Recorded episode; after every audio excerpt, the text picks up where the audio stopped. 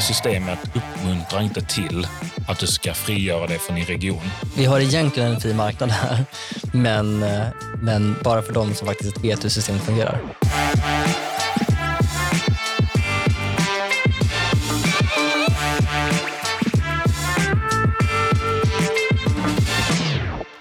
Du lyssnar på Ekonomerna med mig, John Norell, tillsammans med min kollega Kajsa Dåstad som är välfärdsansvarig här på Timbro. Välkommen Kajsa. Tack så mycket. Om du skulle lista de största problemen i svensk sjukvård, på vilken plats skulle vårdköerna komma?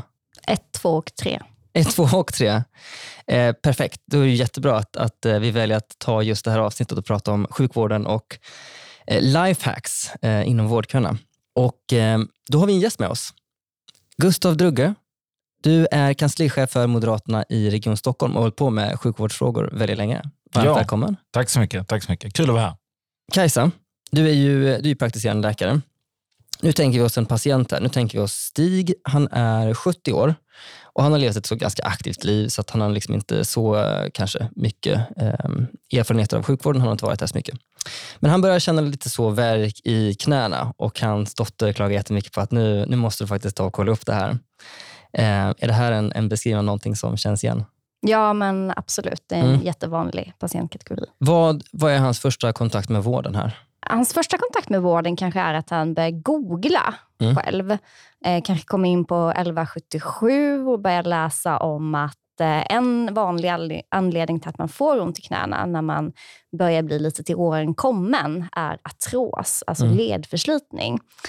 Eh, och då kanske han läser sig till lite egenvårdsråd som han, han börjar med. Ehm, så, så där börjar nog Stig. Mm. eh, Lite värktabletter och Lite värktabletter, lite sådär. Ehm, meditation. Ja. Men eh, Till slut så behöver han gå till till, slut så kommer nog hans dotter eh, tjata på honom. insistera på att han går till vårdcentralen. Exakt, Mm. precis. För då är ju liksom första steget att ta kontakt med primärvården. Mm. Det vill säga vårdcentralen eller eh, någon nätläkare, eh, till exempel eh, Kry.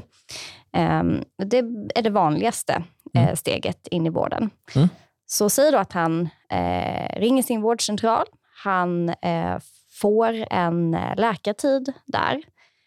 Om vi ska börja prata köer så börjar ju egentligen köerna liksom mätas redan här. Mm. Redan från att han börjar ringa till... Ja, Ja. precis. För att enligt vårdgarantin så ska han ju få kontakt med sjukvården inom noll dagar. Så ska han få Samma dag helt enkelt. Mm. samma dag, precis. Även om man ringer klockan 11 på kvällen. Jag vet faktiskt inte hur det är. Jag vet inte om Gustav vet Nej, men det känns som en sån eh, Timbro-nära fråga. Ja. nej, svaret är nog nej. System says no. Jag tror det är nästa dag då. Nästa arbetsdag. Mm. Ja.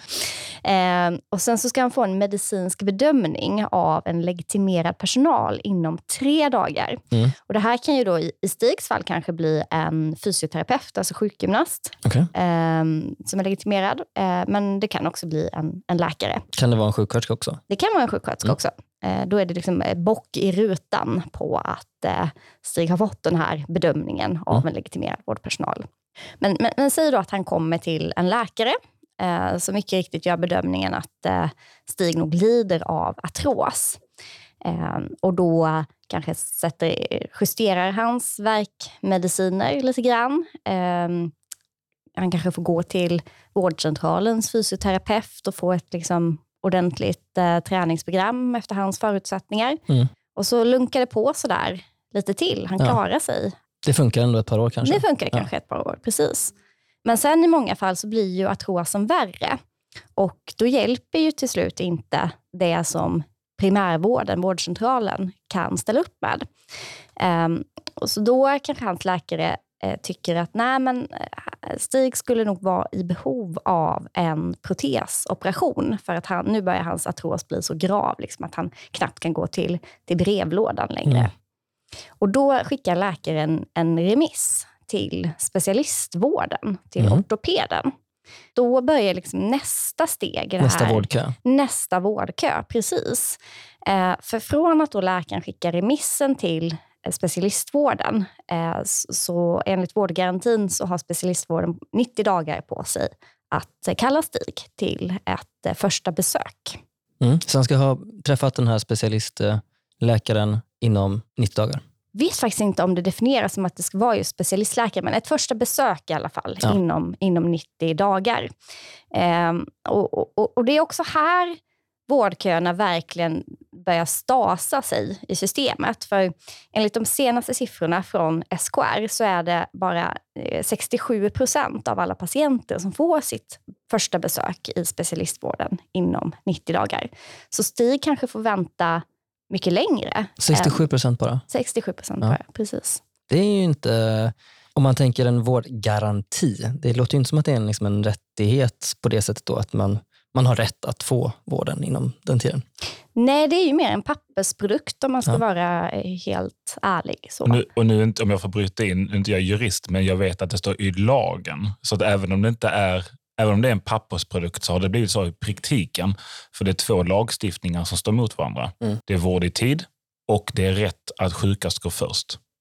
Ja. Så det är två parallella lagstiftningar som läkaren sitter och ja, dribblar med lite grann. Vilken ska gå först här? Mm.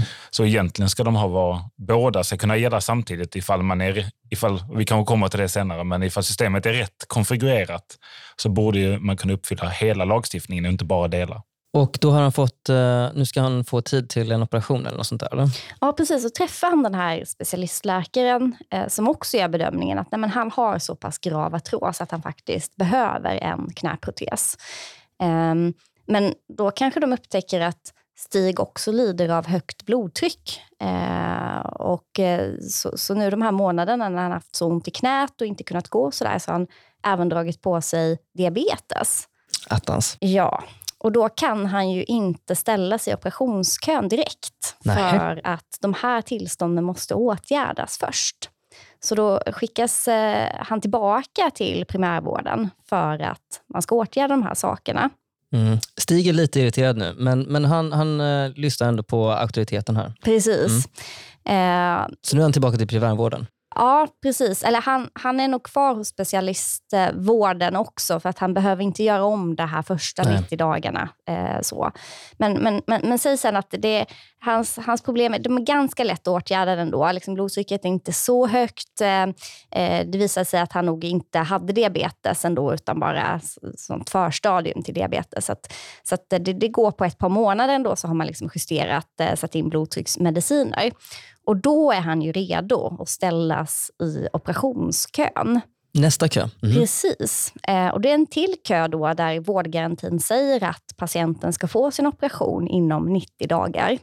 Eh, här är det 90 ju- dagar till. 90 nu dagar till. börjar dagarna ticka på här. Ja, Mm. här är regionerna ännu sämre på att uppfylla garantin. Det är bara 60 procent av alla patienter som får sin operation eller eh, åtgärd inom 90 dagar. Så det tickar, dagarna tickar ju på här. Först är man liksom i primärvården och sen när man väl kommer till specialistvården då är det inte säkert att det blir 90 plus 90 för Nej. att det kan liksom uppstå problem på vägen som det gjorde för Stig. Och då kan man snurra runt liksom i systemet ännu längre. Så att för Stig kanske det dröjer, ett, säg att det dröjer Ett halvår. ja, minst ett halvår, kanske till och med upp till ett år innan han får den där operationen som läkaren då Ja. redan för ett år sedan, den första läkaren redan för ett år sedan bedömde att han skulle ha. Under den här perioden så har han alltså så pass ont att han knappt kan gå ner till brevlådan och har en väldigt nedsatt eh, livskvalitet. Och då har ändå vårdgarantin uppfyllts Då, då kan ändå vårdgarantin ha uppfyllts. Ja. Och som sagt, för en ganska stor andel patienter så uppfylls ju inte ens vårdgarantin och då, då tar det ännu längre. Det finns ganska många tusentals personer i Sverige idag som, som har stått i vårdköer i flera år. Men de här fyra så att säga, stadierna, eller de här fyra köerna. Mm. Noll dagar för att få kontakt, tre dagar för en medicinsk eh, bedömning, 90 dagar Till första besök inom specialistvården. ja, och sen behandling och operation inom 90 dagar. Ja, De är liksom, det, det, är liksom, det är de fyra stegen i nästan alla fall. Liksom. ja precis. Mm. Man kan väl också säga att det skiljer sig lite beroende på var i landet Stig bor. För olika regioner är olika bra på att klara vårdköerna. Eh, I Stockholm till exempel så är man ändå ganska, ganska bra på att klara vårdgarantin. Eh, medan man i många andra regioner inte är det. Om, om Stig till exempel hade haft eh, tecken på Parkinsons sjukdom, en neurologisk sjukdom när man eh, får skakningar och får svårt att röra sig och sådär och behövde träffa en neurolog. Ehm, då, om man hade bott i Halland, då hade det tagit 26 dagar eh, tills han hade fått träffa en neurolog. Men hade han bott i Norrbotten så hade det tagit 194 dagar. Det är alltså Mm. enormt stora skillnader. Eller, Och det här är genomsnitt. ja, de precis. Det var genomsnitt. Och, och Norrbotten var genomsnitt då december förra året. Sen har de inte rapporterat in någonting sen dess. Så, att nu, Det tyder på jag att den är ännu högre kanske. Kanske det. Och Det man ska liksom lägga till i detta är ju lidandet.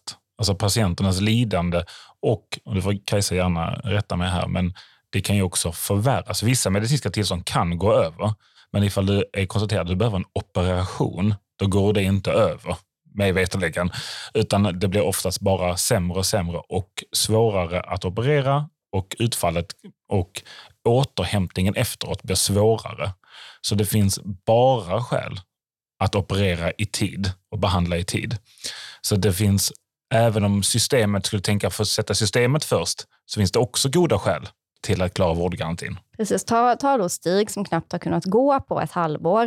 Eh, han har ju då fått förmodligen ganska svaga muskler, eh, som vi var inne på. Liksom blodtryck, eh, sockervärden är ju saker som försämras om man inte kan röra på sig ordentligt. Så att han får ju en, en tuffare rehabilitering sen när operationen väl är gjord.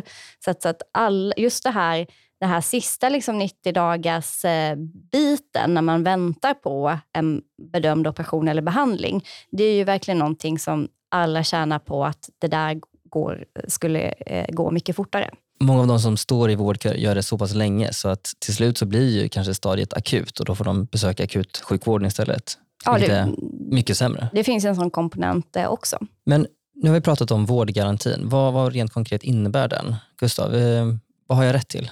Du har rätt till, eh, man kan säga det, jämföra lite grann med friskolesystemen som många är mer bekanta med hur det är uppbyggt. Och där är det ju att varje elev har ju en voucher eller ett värde så kan man så att säga, köpa utbildning i olika skolor. Det är fritt val. Och eh, till del fungerar den här jämförelsen att är du sjuk och Kajsa har sagt du är sjuk, du har artros, du har rätt till en operation. Då har du en voucher med obegränsad kredit. Du skulle kunna handla vilken artrosbehandling du vill, så att säga, som, som hjälper, din, eh, hjäl, hjälper, hjälper din hälsa. Men i Sverige är det konstruerat så att du kan bara handla i din egen region. Mm. Och där egentligen där läkaren pekar, dit ska du gå. Och det finns inte så många olika i varje region. Men det vi tycker att man borde kunna göra och det som kommer hända nu med tidavtalet förhoppningsvis, det är ju att man kommer få handla sin, om uttrycket tillåts, får man väl säga dessa tider, handla sin artrosbehandling i fler regioner. Det vill säga att ifall inte Stockholm kan uppfylla vårdgarantin, då kan man åka till Sörmland eller åka till Gotland eller åka någon annanstans och få hjälp i tid. Mm. Så, att, eh, det är ändå väldigt spännande. Det är långt kvar, men det är väldigt spännande. Precis, som vårdgarantin är konstruerad idag så är det så att eh, då, om Stig får beskedet att eh, vi har väldigt långa vårdköer här, eh, det kommer ta sex månader, 180 dagar, innan du får din operation. Då har han redan idag då rätt att söka sig någon annanstans. Eh, för om du har en prognostiserad tid eller om du faktiskt har väntat över 90 dagar, då har du rätt att söka dig någon annanstans. Det är då liksom den här garantin kickar in. Mm. Eh, men det är lite svårt eh, att som patient göra det. För att det kan vara är svårt att få den här prognosen. Och om du väl har fått det, och du väl, eller om det har gått över tre månader, eh, så, så, så är det liksom lite administrativt krångligt kan man säga att, att faktiskt lösa ut sin vårdgaranti. Okej, så vi, vi har liksom ändå kommit fram till att så många regioner uppfyller inte vårdgarantin. Eh, 67 procent inom för, tredje steget i vårdgarantin där och eh, 60 procent var det i fjärde steget. Precis. Och då ska, skulle man egentligen kunna söka sig någon annanstans. Om man, om man har stått olagligt länge i kö, då kan man söka sig till någon annan region eller till privat. Ja, Och varför, varför är det liksom inte så idag? Varför har vi inte en så smidig och fungerande marknad, Gustav? Det är för att det saknas ett price runner för detta, om man får spetsa till det. Alltså någon överskådlig information, eller för nationalekonomer korrekt prisinformation och var liksom utbudet finns det är inte tillgängligt idag och man måste både kunna till del latinska termer för att kunna begripa vad de här olika avdelningarna, operationsavdelningarna gör och att testa ring in i offentlig sektor. Det, det, det är svårt, svårtillgängligt och det är inte meningen att du som enskild patient ska ringa runt, även om du har rätt till det. Så det finns några eh, kanslier som heter vårdgarantikanslier, som är en administrativ funktion som regionerna har för mm. att kunna hjälpa dig att uppfylla dina rättigheter. Och det ska alla, alla regioner ha en sån? Det kanske heter lite olika, men, eh, men det är meningen att alla ska ha en sån och att alla ska kunna eh, hjälpa patienter. Mm. Utmaningen, då tänker du, ja men då borde det fungera. Perfekt, det är bara att ringa dit ja, då. Ja, när, ja. när det har gått 90 dagar då, eller? Och när du fått besked om att det kommer att gå mer än 90 dagar. Så man behöver bara ha en prognos att så här, Ja. jag kommer inte få vård inom 90 dagar. Då kan jag direkt bara ringa till eh, vårdgarantikansliet och bara, nu slussar vi iväg dig till Gotland. Ja, sätta upp första SAS-kärran och sen så åker du hem. Nej, Mm. så fungerar det inte. För att vårdgarantikansliet är inte konstruerat för att så många som står i vårdkö idag, det är flera hundratusen som står i vårdkö, de är inte dimensionerade för det. Nej. De är dimensionerade för de som kan sina rättigheter, ringer dit right. på Ja. arbetstid och de har öppet några timmar om dagen, vissa dagar. Systemet uppmuntrar inte till att du ska frigöra dig från din region. Vi, vi har egentligen en fri marknad här, men, eh, men bara för de som faktiskt vet hur systemet fungerar. Ja, Men, om man ska hårdra det så får man säga så lite grann. Så det, det skulle kunna, om man är optimist och hoppfull, ska man säga så här. Det skulle kunna fungera utifrån de förutsättningar som finns om det bara informationen tillgängliggjordes fler personer. Men om du tänker då Stig, ehm, han, hur får han en prognos? Hur får han veta hur lång tid det kommer ta för honom? Om det är så att han har rätt att söka sig till någon annan region eller inte. Men han får ju i första hand fråga sin läkare. Eh, Men det är kanske inte alltid läkaren vet det. Ehm, Eller är öppen med eh, hur lång tid det kommer ta. Det kan ju vara lite pinsamt också att liksom Erkänna erkänna för Mm. patienten att de, att de kommer få vänta. En, en del läkare är jättebra ehm, på, på det. Eh, och en del kliniker är väldigt bra på att informera sina läkare också om hur, hur köstatistiken faktiskt ser ut. Men, men eh, jag kan ju säga att som läkare så är det inte alltid man, man vet det. Och, och i vissa specialistfall, jag har jag kan ta exempel med min egen far. Jag kom från Lund eh, och eh, skulle, hade, hans hjärta slog fel, slog för ofta. Arytmi heter det. Det är inte bra långsiktigt.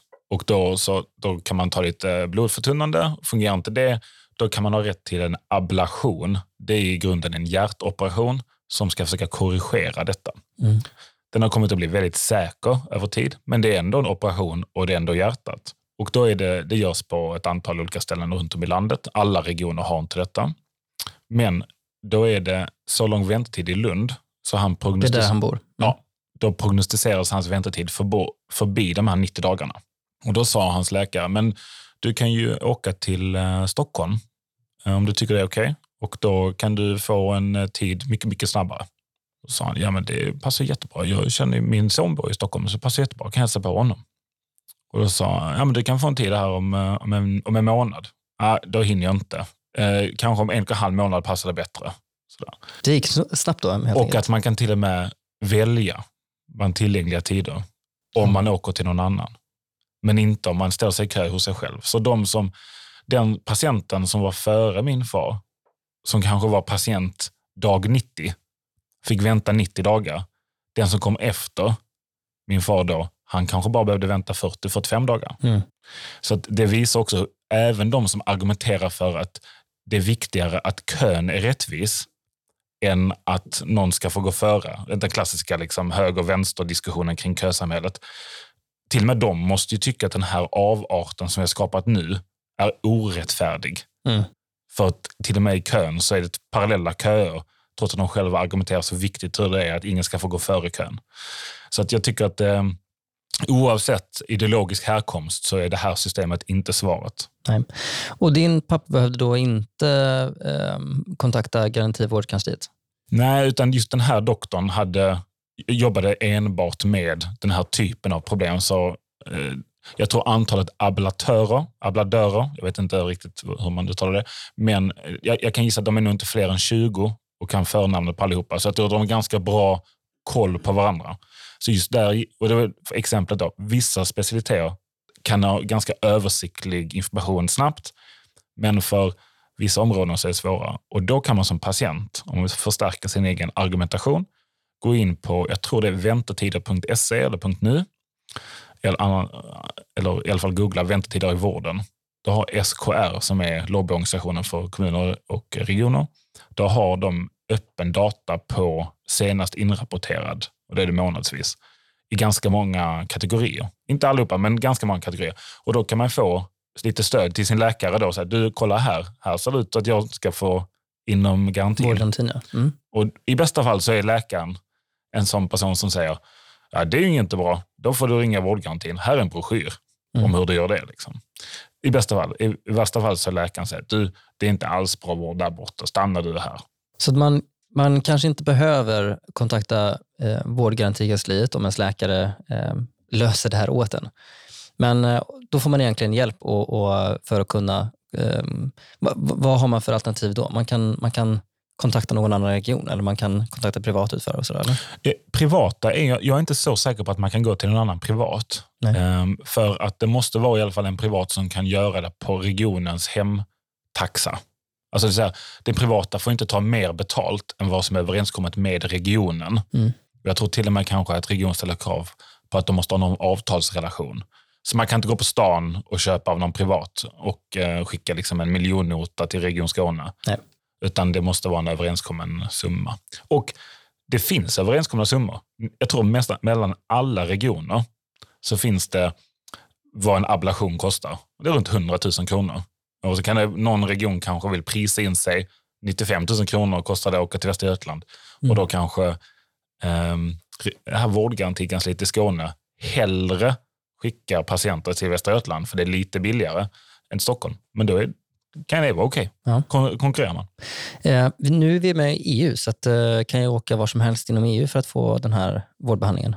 Ja, i princip kan du faktiskt det. Eh, EU och eh, EES eh, har ju eh, samarbete när, när det gäller vård. Och Det är faktiskt så absurt att det kan vara lättare att åka till ett annat land mm. än en annan region. Hur kommer det sig? Um, för om vi går tillbaka till Stig då.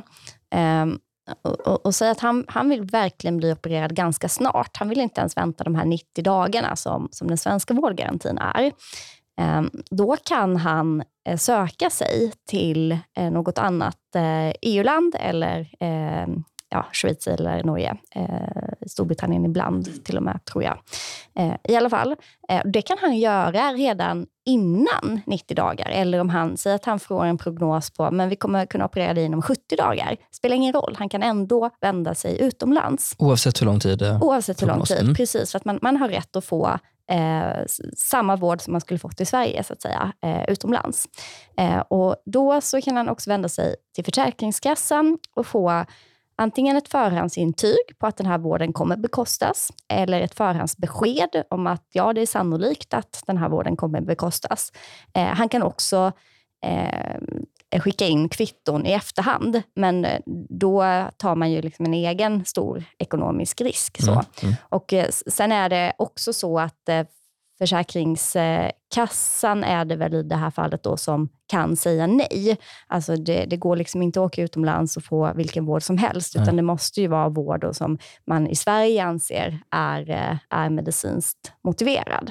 Det här är ju jättebra, för att Stig har ju nämligen en eh, sommarlägenhet i Spanien.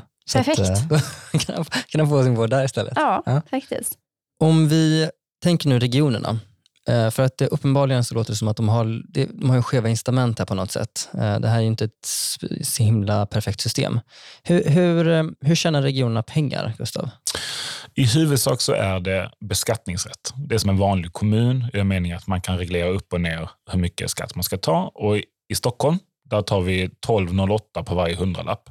Till det så kommer det också statsbidrag. Det som man ibland pratar om generella statsbidrag. Då är det, kommer de utan krav mer än att göra det bästa du kan med de här pengarna. Och Sen finns det riktade statsbidrag som är du måste jobba med exakt den här behandlingsmetodiken inom just exakt den här vårdspecialiteten. Och då kanske man antingen redan jobbar med det eller jobbar med en liten annan variant som inte täcks av det här riktade statsbidraget. Och då får man välja, ska man ta emot statsbidraget eller inte? Eller ändra metodik, så att säga. Ehm, det är den andra intäktskällan. Och den tredje är att man kan sälja vård. Och då kan man sälja vård antingen utom läns eller utom lands. Mm. Och då är det i huvudsak utom länsvården som är större. Och då, till exempel om man skulle åka till Stockholm och få en hjärtoperation Mm. eller en sån ablation. Eller åka till Västra Götaland för någon annan operation. Så att. Så att då, För, för då är det liksom eh, Skåne som betalar Ja. och eh, pengarna går till eh, vårdgivaren i Stockholm. Så att det följer patienten, likt Mm. andra sådana här vouchersystem. Och eh, det finns väl en liten premie på att okay, om jag tar emot en patient från en annan region så får man betala några procent extra. Så att säga. Eh, och I vissa fall så är det exakt samma procentsats. Så att det är det andra. Och sen är det utomlands och det är, en väl, det är en försvinnande liten del. Men det är ändå en del att dryga ut eh, vårdgivarens egna kassa. så att säga. Vem är det som kommer till Sverige för att få vård? Det är både den här EU-vården som vi pratade om tidigare och då är det ofta tyskar som kommer, men de närliggande länderna kommer och uh, får vård. Sen så är det också några som är utomeuropeiska och det är ju några unika exempel.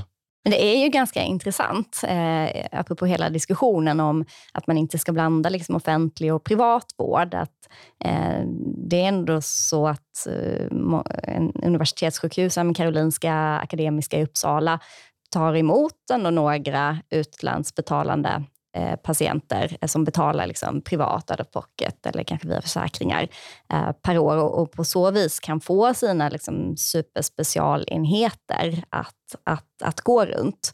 Eh, och, och det här liksom hörs det ju, är ju ingen kritisk till eh, i, i debatten. Så att, eh, jag tycker det, det är lite så här, när far super är det rätt. Alltså när det offentliga, när Karolinska gör det här, då är det okej. men det är inte okej för, Mm. för en annan eh, vårdgivare att, att göra samma sak.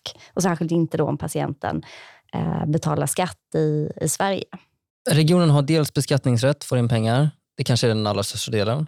Och sen eh, statliga bidrag. Och så har vi då att de säljer utomlands och en till andra län. Eh, varför funkar inte den här liksom, eh, marknaden mellan länen?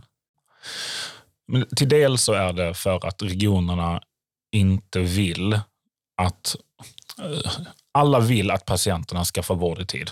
Jag, tror, jag har inte mött någon, så länge jag har varit aktiv i det här, har jag inte varit- mött någon som inte vill det bästa för patienten. Problemet är att systemet är konstruerat på ett sätt så att det bästa för, om man tar allas egenintresse så blir det inte det bästa för patienten, utan det blir snarare att ifall den som är ansvarig för operationsverksamheten kan veta om att när man här har jag 100 patienter, då kan jag schemalägga in de här, jag kan schemalägga in min sjuksköterska, jag kan schemalägga in allting annat. Jag får mitt, mitt egna lilla universum att fungera. Men ifall man sa till den här doktorn eller chefen att här, här är 20 procent som, du kan- som du kan veta om att du har i tre veckor nu. De har andra 80 får du kämpa för Mm. för att kunna finansiera allt, hela verksamheten. Då hade det antagligen gått snabbare. Det kan ha varit andra saker som inte fungerat lika bra, men det hade antagligen gått mycket, mycket snabbare. Nu är värdet mer av att ha en budget i balans och kunna långsiktiga förutsättningar kunna rekrytera folk, men inte att beta av vårdkön. Och då behöver man ju ha, tänker man, moderat, är det inte bra med ekonomi i balans? Jo, om systemet leder till att ju fler du opererar, då får du mer pengar. Men alla system är inte konstruerade så i offentlig sektor. Utan Nej. då måste man ju själv hitta en modell. Och då, till exempel har Karolinska en modell där de säljer, de har köpt in en helikopter. Som inte de, de bad inte om någon finansiering. I vanliga fall när sjukhusen vill köpa någonting nytt så kommer de till politikerna och säger så här. Det kostar 50 miljoner, vi får igen det någon gång. Snälla, låt oss köpa detta. Karolinska kom inte till, till politiken utan de bara berättade att vi har nu beställt den här helikoptern. Ni får jättegärna komma på invigningen. Åh, vi tänker inte betala för det där. Vad är det där för något? Vi ber inte er om pengar, sa de. Vi får pengar från er och inom ramen för det så löser vi detta. Och då blev politikerna väldigt eh, misstänksamma. Mm. Men det visade sig att de hade ju bara räknat på vad, hur mycket utomlänsvård, hur många patienter kan de åka med den här helikoptern och hämta i andra län? Alltså vill hjälpa patienter som annars har fått vänta, Mm. ge dem vård i tid på Karolinska som ändå ger bra vård, eh, även om vård generellt i Sverige håller väldigt hög kvalitet.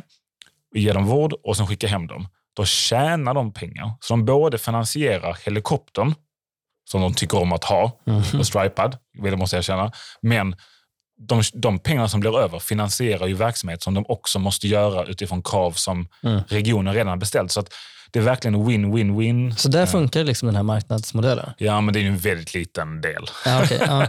ja, men för, att, för att på privata marknader så är ju köer väldigt ovanligt. Alltså det, du kanske får vänta lite grann på när du köper en bil för att det finns inga halv, halvledare. Liksom. Men eh, generellt, alltså en, en producent, en säljare kan liksom inte låta sina kunder vänta för länge för då kommer de välja att gå till en konkurrent. Men här har vi då ett problem att, att den, som, den som producerar också kan sätta in ett veto mot att, att ens kund, så att säga, eller patienten, går till någon annanstans och får vård i tid.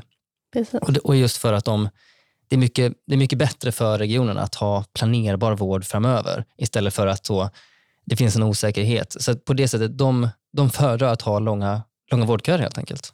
Det, blir väl en effekt av incitamentstrukturen. Det är väl ingen som sitter och tänker, tror jag, att nu ska vi ha så långa vårdköer som, Nej. som möjligt. Utan det, det blir liksom en, en effekt av hur systemet är uppbyggt. Och ska man, ska man så här, tänka lite kring vad det hade kunnat innebära att ha en lite friare eh, vårdmarknad och låta patienterna liksom, eh, utnyttja sina rättigheter lite mer, till och med korta dem. I Danmark har man ju en vårdgaranti på 30 dagar istället för Mm. svenska 90. Eh, men, men då är det ju så att då hade ju många patienter antagligen valt att bli opererade på andra ställen. Och eh, säg då att du är ortoped i Gällivare. Eh, liksom akutortopedin i Gällivare måste fungera 24-7 och du måste kunna operera höftproteser även akut.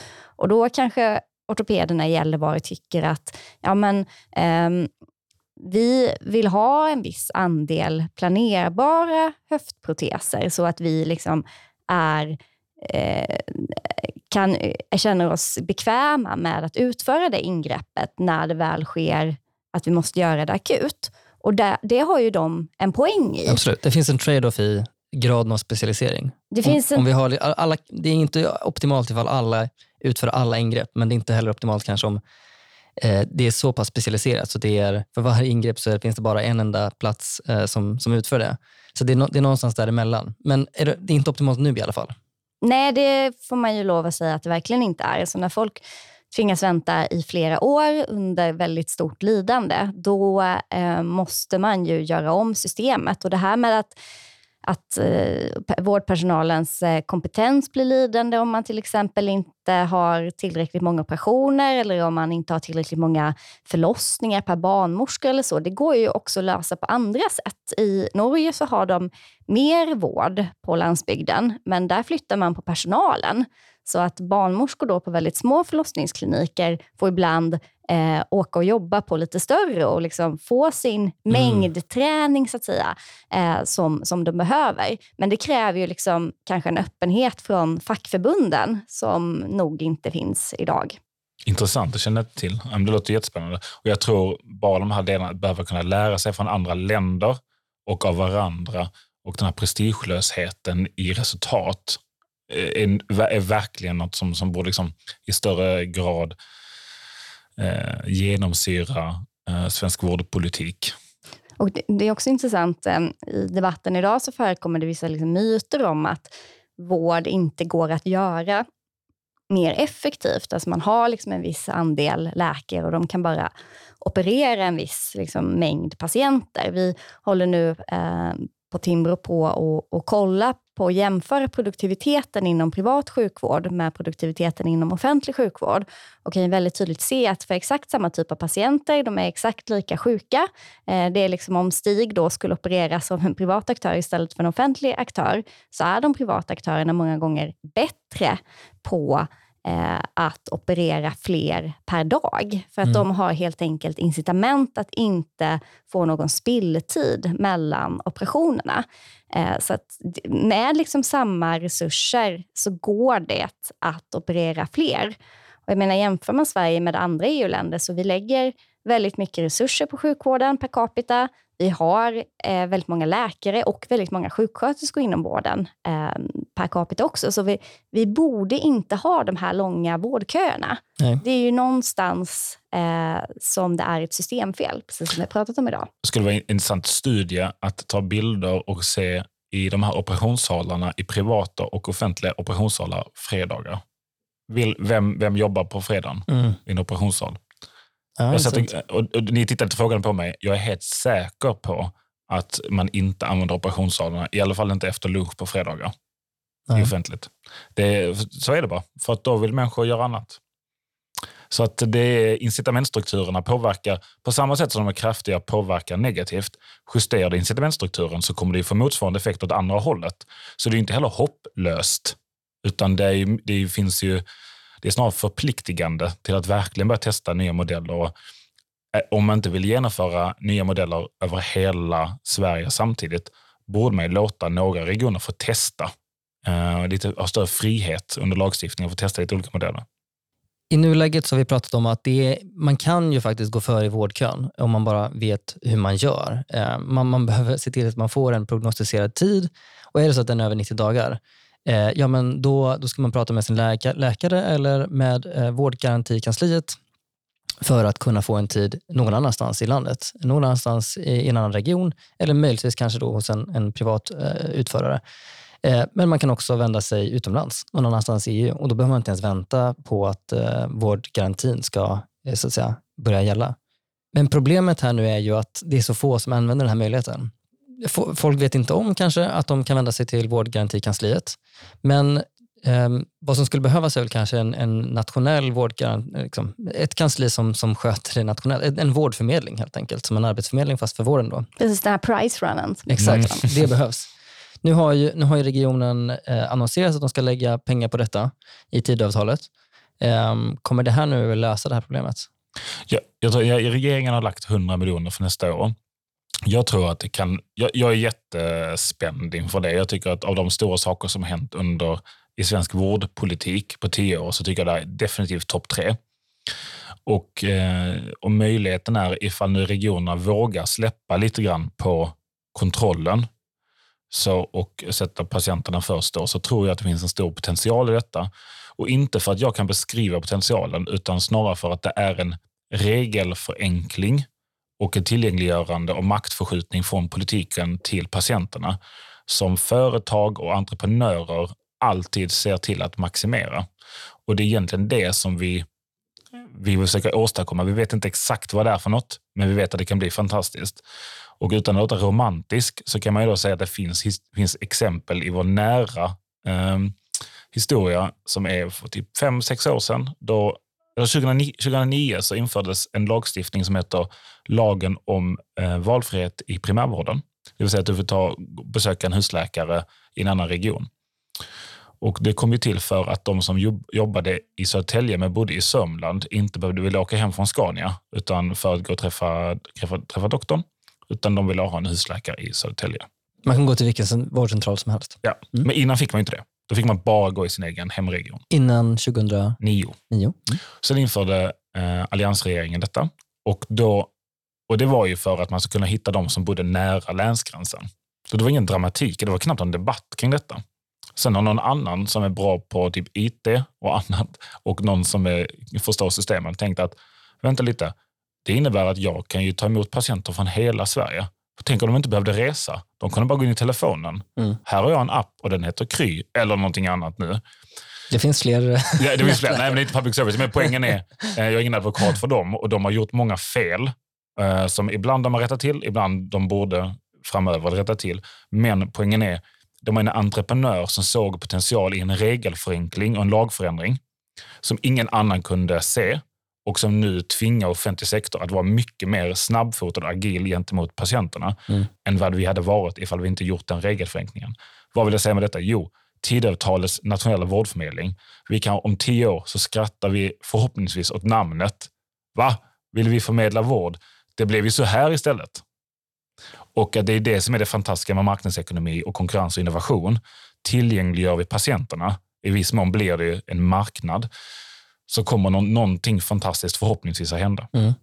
kanske finns utrymme för någon entreprenör redan nu att Tänkte också förmedla patienter. För vi, vi, eh, exakt, nu, eh, om staten ska göra det här, det är en top-down eh, liksom, lösning. Eh, Kry-exemplet visar ju på att det finns ju också en möjlighet att påverka systemet bottom-up. Eh, och, eh, givet nu att det är, liksom, det är ju helt lagligt att, att så söka vård från eh, hela landet, liksom, från andra regioner. Så egentligen skulle det kunna vara möjligt att starta en, en privat vårdförmedling då? Ja. Det, jag vill bara skicka med ett tips nu ifall ni är två entreprenörer här som ska testa detta. Så ska jag säga så här, det är viktigt att övertyga de personerna som man ska förmedla vård till att de ska då vara lite offensiva gentemot deras huvudbeställare. Så att de som, de, de, de som man ska samarbeta med är också väldigt angelägna om att fortsätta samarbeta med regionerna som betalar 90-95 procent av deras eh, verksamhet. Mm. Så jag tror att eh, det vore bra ifall bottom-up och top-down skedde ungefär samtidigt. Så att det blir liksom maximal drivkraft i detta. Mm. Och, och Sen ska man ju också vara ärlig med att säga att det finns ju flera eh, risker med att, eh, att göra en större marknad. Alltså tar man det här med väntan på operation. Har man fått ett liksom, operationsbeslut av en läkare inom regionen så behöver man liksom med all sannolikhet opereras. Tar man steget innan då, själva bedömningen, eh, där finns det ju mer utrymme för indikationsglidning för någon privat vårdgivare som, som kanske inte är lika noga med att säkerställa att den här operationen verkligen, verkligen behövs, utan man ser möjligheten då att, att, eh, att få pengar eller att det blir en sån drivkraft inom systemet eh, i alla fall. Så där, där skulle väl jag vilja att, de, om, eh, eh att, att man inriktar sig liksom på de sista 90 dagarna eh, mer när man faktiskt har fått ett beslut än jobbade eh, med de, de, den, den, första biten. Eh, så. Även, om, eh, även om den här första biten inte heller fungerar och det skulle vara bra med lite marknad där också. Och, och, faktiskt har systemet har reglerat sig själva. Jag håller med dig om invändningen och det är liksom en mycket klok och eh, förtänksam invändning. Och till del så var det någonting som diskuterades när man privatiserade stora delar av apoteksmonopolet. Okej, nu ska läkarna bli aktieägare i apoteksbolagen och så ska de sälja medicin till sig själva och köpa stora lyxvillor. Det har inte heller skett. Och då, det har ju reglerats genom vem som får äga vad och stor transparens kring detta. Så att även om man ska identifiera riskerna och så ska man jobba, som Kajsa säger, så här, okay, man kan jobba mer med den senare delen. Man kan ta ett problem i taget. Men så tror jag också det går det är ju ändå ett yrke och liksom en bransch som är fylld av mycket så här nobla intentioner. Det är inte som att sälja liksom, eh, Ja, det är inte Elgiganten. Liksom. Inget fel på Elgiganten, men det är, liksom, det, är, det är andra drivkrafter när det är sjukvård. Och det ska man använda som något positivt. Och det tror jag liksom skulle kunna, rätt använt, då, eh, bli jätte, ha en jättepotential. Nu har vi pratat mycket om vårdköerna. Um, jag tänkte vad som har gjorts tidigare. Det finns ju någonting som infördes som heter kömiljard. Vad var det för någonting, Gustav? Det var ett sätt för staten att stimulera regionerna ekonomiskt att snabbare beta av vårdköerna. Var det för lite eh, pengar eller var det felkonstruerat? Inledningsvis fungerade det jättebra. Inledningsvis så var de här sista 1, 2, 3 procenten på regioners budget jättestyrande för hela verksamheten. Och Det här var ju efter alliansregeringen tog över 2006-2007 där så infördes de här Ehm, extra stimulansmedlen. man, man fick bra effekt på varje krona. Problemet var att när man kommit ner i, vård, eller i vårdkö, den enklaste biten som man kunde ta bort, då var man tvungen att stimulera eftersom regionerna lyckades olika bra. Och sen är det lite politik i detta också. Oj, ska en region få vinna hela tiden? Det går inte. Så att då blev det lite mer rättvisa och när rättvisan slog till, då blev patienterna lidande. För då var det snarare den som gjort den största förändringen. Så även om du bara kommit ner tio personer i vårdkö, så är din förändring så mycket större, så då fick du pengar för det. Jag inser hur man då kan få ganska konstiga incitament. Att om, om jag sänker vårdkön ett år så får jag massor med pengar. Och sen om jag liksom inte gör så mycket så att jag låter kön stiga nästa år så behöver jag inte betala tillbaka någonting. Och sen nästa år så får jag, kan jag ju liksom, eh, få massa pengar av att minska igen. Så då kan man få liksom en jojo-effekt här i regionerna. Det, det låter ju liksom eh, bisarrt, men, men, det skulle kunna vara en effekt av att man, att man har ett sånt där, sånt där system. Det, det, är inte bara att det skulle kunna vara. Det var det och det var ännu värre. För det var inte per år, det var månadsvis. Oj. Och Det absurda i det är att det är alltså sista procenten av budgeten. Så man, man får, lite pengar egentligen. Alltså det är så lite pengar. Ja. Och Det är därför staten gillar att betala ut dem. För att så mycket av de andra pengarna i regionen är ju uppbundet och överenskommet. Lägger man in en sista procent, då kan man få ut ganska mycket effekt på den, på den sista kronan man kastar in. Ja. Om det då inte är en kalibrerad effekt som, som passar i alla regioner, då får man en väldigt skev utdelning. Och eh, det är, jag vet att eh, jag såg någon eh, rubrik på vägen hit här i eh, SKRs egna tidning, eh, som jag inte kommer ihåg, Dagens Samhälle, där SKR-ordföranden säger att eh, det kostar mer än det smakar när det handlar om riktade statsbidrag. Mm. Alltså lobbyorganisationens ordförande säger att riktade medel kostar mer än de smakar. Och det är nu ett uttryck för att det är någonting här som är skevt.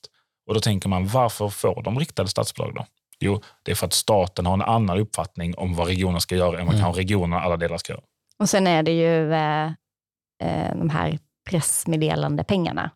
Att, eh, Man kan visa som politiker att nu gör vi någonting. Exakt. Vi lägger några hundra miljoner på det här. Vi kallar till en presskonferens. Du får lite mediautrymme. Mm. Men om det verkligen fungerar och är bra, det är, eh, alla är väl egentligen långs, alltså överens om att man borde göra mindre sånt. Men eh, när man väl sitter där själv vid, vid makten så är det svårt att hålla fingrarna från syltburken. Så att säga. Tack så mycket Gustav och Kajsa för att ni var med i Ekonomerna idag. Tack så mycket, det var jättekul. Tack, tack. Du har lyssnat på Ekonomerna med mig, John Norell. Om du gillade det här avsnittet, se till att prenumerera på oss i din poddapp och tipsa om podden för dina vänner och bekanta. Följ oss även på sociala medier. Vi heter Ekonomerna podd på Twitter och Instagram. Ekonomerna kommer ut varje torsdag. Tack för att du har lyssnat.